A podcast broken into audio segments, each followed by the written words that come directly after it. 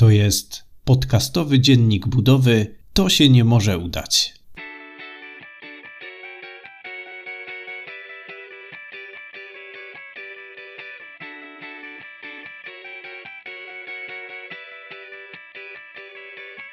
Witam Cię bardzo serdecznie w kolejnym odcinku naszego podcastowego dziennika budowy. Dzisiaj skupię się na przygotowaniu do zalewania stropu i powiem z czym to się wiąże i o czym warto pamiętać. Dzisiaj trochę krócej. Zapraszam na odcinek.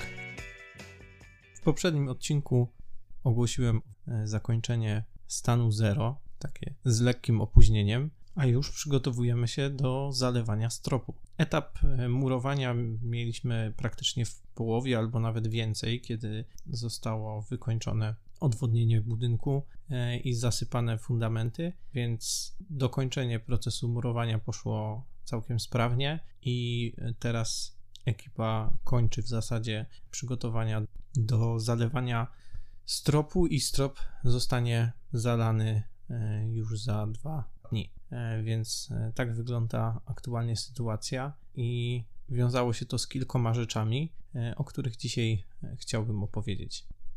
Zacznę od schodów żelbetowych, bo tutaj mieliśmy e, małą przygodę. Kilka dni temu byłem na budowie, wszedłem sobie na, na górę i był już zrobiony szalunek na schody żelbetowe, e, dlatego że na takie zdecydowaliśmy się. I nagle zagaduje do mnie właśnie kierownik e, ekipy i zaczyna coś mówić o schodach i pytał się, jak ma wyjść ostatni schodek, bo według jego obliczeń ten ostatni schodek to może wyjść tak na dwa sposoby. Albo być tak trochę niżej, trochę niższy niż e, reszta tych schodków, albo taki troszkę wyższy. Jak byśmy woleli. No i wtedy coś tam mi e, zaczął tłumaczyć, czego, z czego to wynika.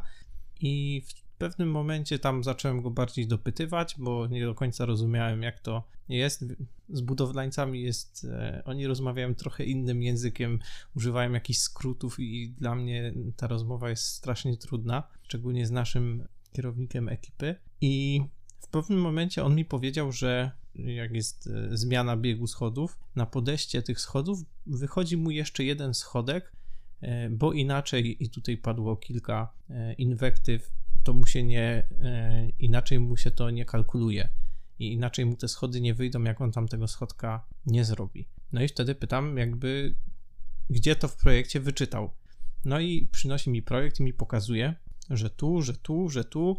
No i tak nie ma tego tam narysowane, ale według niego z tego rysunku to by tak wynikało. No i ja mówię, że, że ja ten projekt czytałem kilka razy i no według mnie e, tam nie ma e, żadnego schodka. Mało tego, byliśmy na budowie, gdzie też ludzie przeprojektowali schody. Na schody żelbetowe tam nie było żadnego schodka i też e, w rozmowach z naszą projektantką też mowy o schodku na schodach, na podejście schodów nie było. Więc no powiedziałem, że ok, no jak mu tak wychodzi, to mu tak wychodzi. No ale wykonałem telefon do kierownika budowy e, i mówię: Słuchaj, że tam mi coś nie pasuje z tymi schodami. Czy e, mógłby przy okazji e, sprawdzić, jak tam to zbrojeniem idzie i kątem oka rzucić na te schody, jak to wygląda, bo moim zdaniem coś tam nie do końca chyba ten projekt potrafią wyczytać. No i na drugi dzień dostaję telefon od kierownika budowy, mówi Adam, miałeś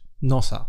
Schody są całe do przerobienia. Okazało się, że chłopaki źle poczytali projekt, e, spojrzeli na projekt e, przed adaptacją, e, na schody, które tam były drewniane oryginalnie i był po prostu tam jeden schodek mniej, bo podczas adaptacji te schody zostały tak przeprojektowane, że został dołożony jeden schodek, żeby tam te schody były po prostu wygodniejsze.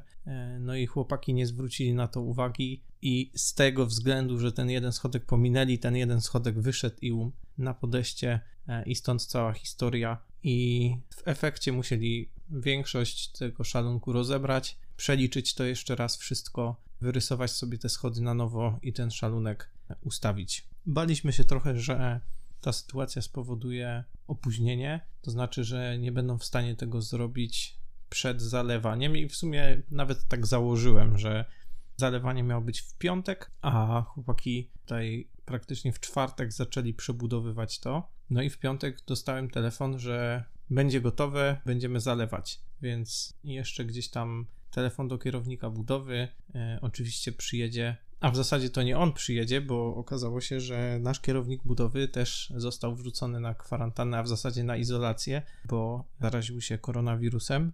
I szczęście całe jest takie, że on ma y, bardzo dobrego znajomego, z którym współpracuje na co dzień i też jest kierownikiem budowy. Oni się tak wspomagają i wymieniają nawzajem. Jak jeden nie może, to, to posyła drugiego. Czy jak właśnie na początku nasz kierownik był na urlopie, kiedy myśmy zaczynali, to, to ten jego zastępca u nas działał. Też bardzo fajny gość i wysłał tego swojego gościa, żeby sprawdził to wszystko. E, okazało się, że tym razem wszystko zrobili dobrze i można było te schody zalewać. Także gdzieś tam przez, e, przez to, że sam się trochę e, wkopał, nasz kierownik zadając mi dodatkowe pytania, zasiał we mnie niepewność i to gdzieś spowodowało to, że chłopaki mieli więcej roboty, ale myślę, że i oni są z tego jakby zadowoleni, bo faktycznie te schody, które on zaprojektował czy zbudował, były po prostu niewygodne. E, no, gdzieś tam schodek na tym podejście to, to nie było coś, co chcieliśmy osiągnąć, więc uff, udało się.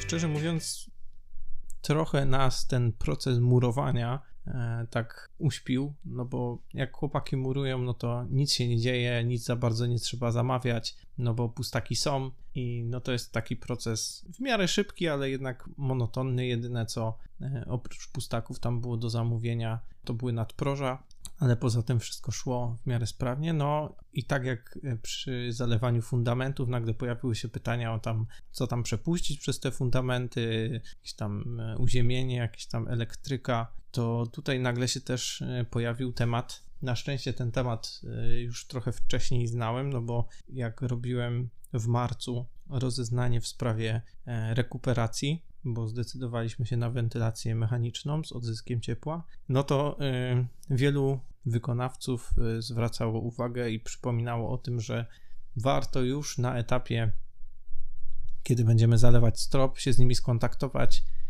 i oni nam pom pomogą, podpowiedzą a propos zostawienia przewiertów czy rur takich, e, żeby potem nie trzeba było wiercić w stropie, dlatego że raz, że jest to wiadomo bardziej kosztowna operacja, a dwa, że to jest po prostu strasznie brudząca praca. E, I gdzieś tam nawet z moim wykonawcą rozmawiając, mówił, że kiedyś takie coś musieli robić i mówił, że był taki syf na poddaszu po przewierceniu właśnie dla klienta, dziur pod wentylację mechaniczną w stropie, że, że potem długo to trzeba było doprowadzać do porządku, więc tutaj chciałem jakby tego uniknąć. I jedna firma, tu mogę polecić z Małopolski, firma AirVent, jeżeli dobrze pamiętam, oni są chyba z Krakowa, to oni zaproponowali, e, że oni przy wycenie robią też e, darmowy projekt, e, gdzie właśnie proponują umieszczenia tych przewiertów no i też przed samym zalewaniem zadzwoniłem do, do tej firmy,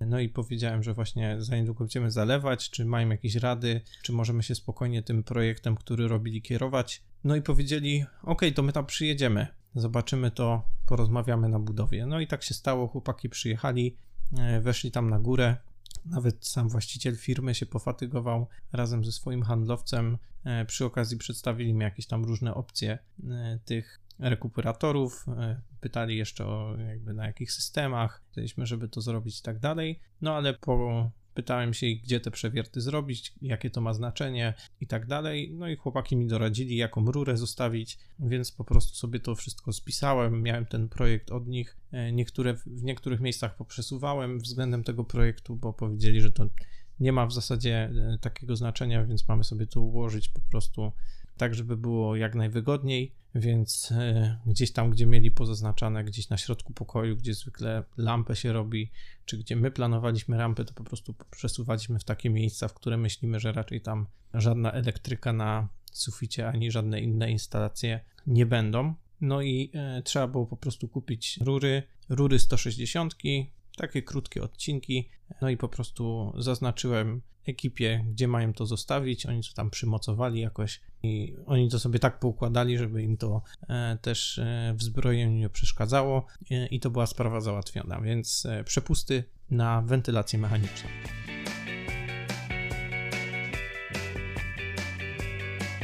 Druga sprawa to były przepusty do kanalizacji, do pionów kanalizacyjnych. No i tutaj według naszego projektu my mamy aż trzy, bo e, mamy jeden pion kanalizacyjny, który idzie e, z dolnej łazienki i on u góry już co prawda nie jest wykorzystywany do kanalizacji, natomiast z niego musi być e, odpowietrzenie, więc trzeba go poprowadzić do góry. No i mamy dwa piony kanalizacyjne, które idą z dołu do górnej łazienki, bo dolna i górna łazienka nie są w pionie, więc tam idą osobne piony. No i one po, potem idą też do góry e, do odpowietrzenia. Więc tutaj e, się skontaktowałem z hydraulikiem, którego też e, jeszcze nie wybrałem, po prostu któregoś z tych, od którego brałem wycenę i zapytałem, jak to, jak to zrobić, jakie tam, co tam zostawić. No i tutaj powiedział, że, że można rurę, nie wiem, tam setkę albo 120 wstawić a najlepiej to w ogóle e, kwadratowe zrobić, po prostu z desek zbić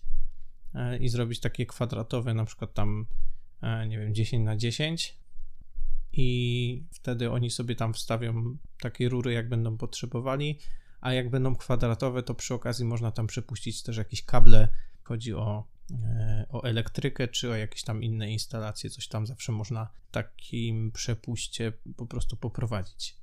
No i ostatnia w naszym przypadku to był e, przepust, przepust na rurę do okapu. I tu robiliśmy tak go na zapas, dlatego że posiadając wentylację mechaniczną, jest możliwość, żeby nie odpowietrzać okapu, dlatego że no, mówi się tak, że jakby w momencie, kiedy jest wentylacja mechaniczna, to nie powinno być żadnych e, dziur, przepustów, żadnego mieszania z wentylacją e, tradycyjną. Po drugie, e, też często wykonawcy właśnie mówili mi, że generalnie no to w momencie, kiedy włącza się okap i jest ten ciąg powietrza, to on jest bardzo duży i zaburza generalnie te przepływy powietrza w wentylacji mechanicznej, bo to jest dużo większe ciśnienie. Natomiast też słyszałem takie głosy, że niektórzy kominiarze nie chcą słyszeć nawet o czymś takim, że nie ma tej żadnej takiej wentylacji, jeżeli chodzi o kominek, przepraszam, jeżeli chodzi o okap i po prostu się nie zgodzą. Więc kierownik budowy poradził: zróbcie, najwyżej zalejecie to po prostu betonem i już. Poszliśmy za tym tropem. Problem był troszeczkę z umiejscowieniem tego, tego, że chcieliśmy to tak zrobić, że gdyby ta rura jednak tam poszła, no to żeby ją można jakoś zabudować. No akurat tam jest nad miejscem, gdzie będziemy mieli okap, jest ścianka działowa, więc chcieliśmy jak najbliżej ścianki działowej to poprowadzić. No ale z projektu było to trochę trudne, żeby to tak wymierzyć, więc no, po kilku pomiarach stwierdziliśmy, że to jest to miejsce, e, a było już też zbrojenie przygotowane, więc nie dało się tej rury położyć idealnie bo musielibyśmy uciąć zbrojenie, a to już e, byłby problem, więc no gdzieś żeśmy ją tam tak ustawili, jak nam się wydawało najlepiej, no i zobaczymy, jak to wyjdzie i czy w ogóle z niej skorzystamy. Szczerze mówiąc, wolałbym z niej w ogóle nie skorzystać, zalać tą dziurę potem i nie przejmować się jakimiś wylotami, nie obudowywać, nie musieć obudowywać tego z góry. No zobaczymy. Może się tak uda i po prostu okap będzie, będziemy mieli okap e, w z funkcją bardziej w funkcji pochłaniacza, e, który będzie miał filtr, będzie filtrował to powietrze i oddawał je z powrotem do kuchni, a już to powietrze wyfiltrowane będzie po prostu przez, przez wentylację mechaniczną wymieniane i e, tak też e, można robić.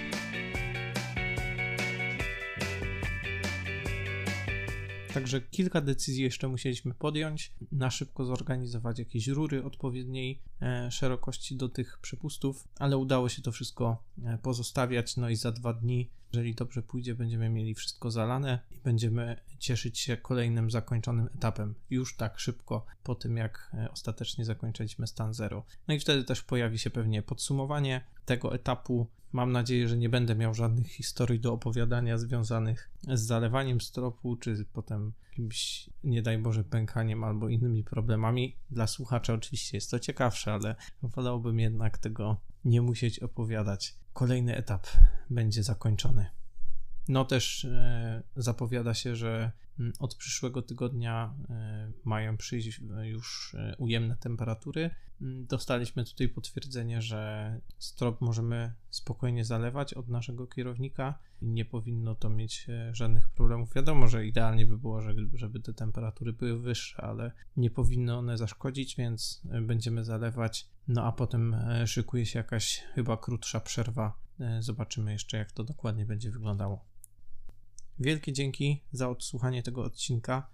Zostaw po sobie jakiś komentarz, jeżeli Ci się podobało, na serwisie Moja Budowa www. Się nie może udać z myślnikami.mojabudowa.pl. No i dzięki Ci wielkie. Do usłyszenia następnym razem. Trzymaj się. Cześć.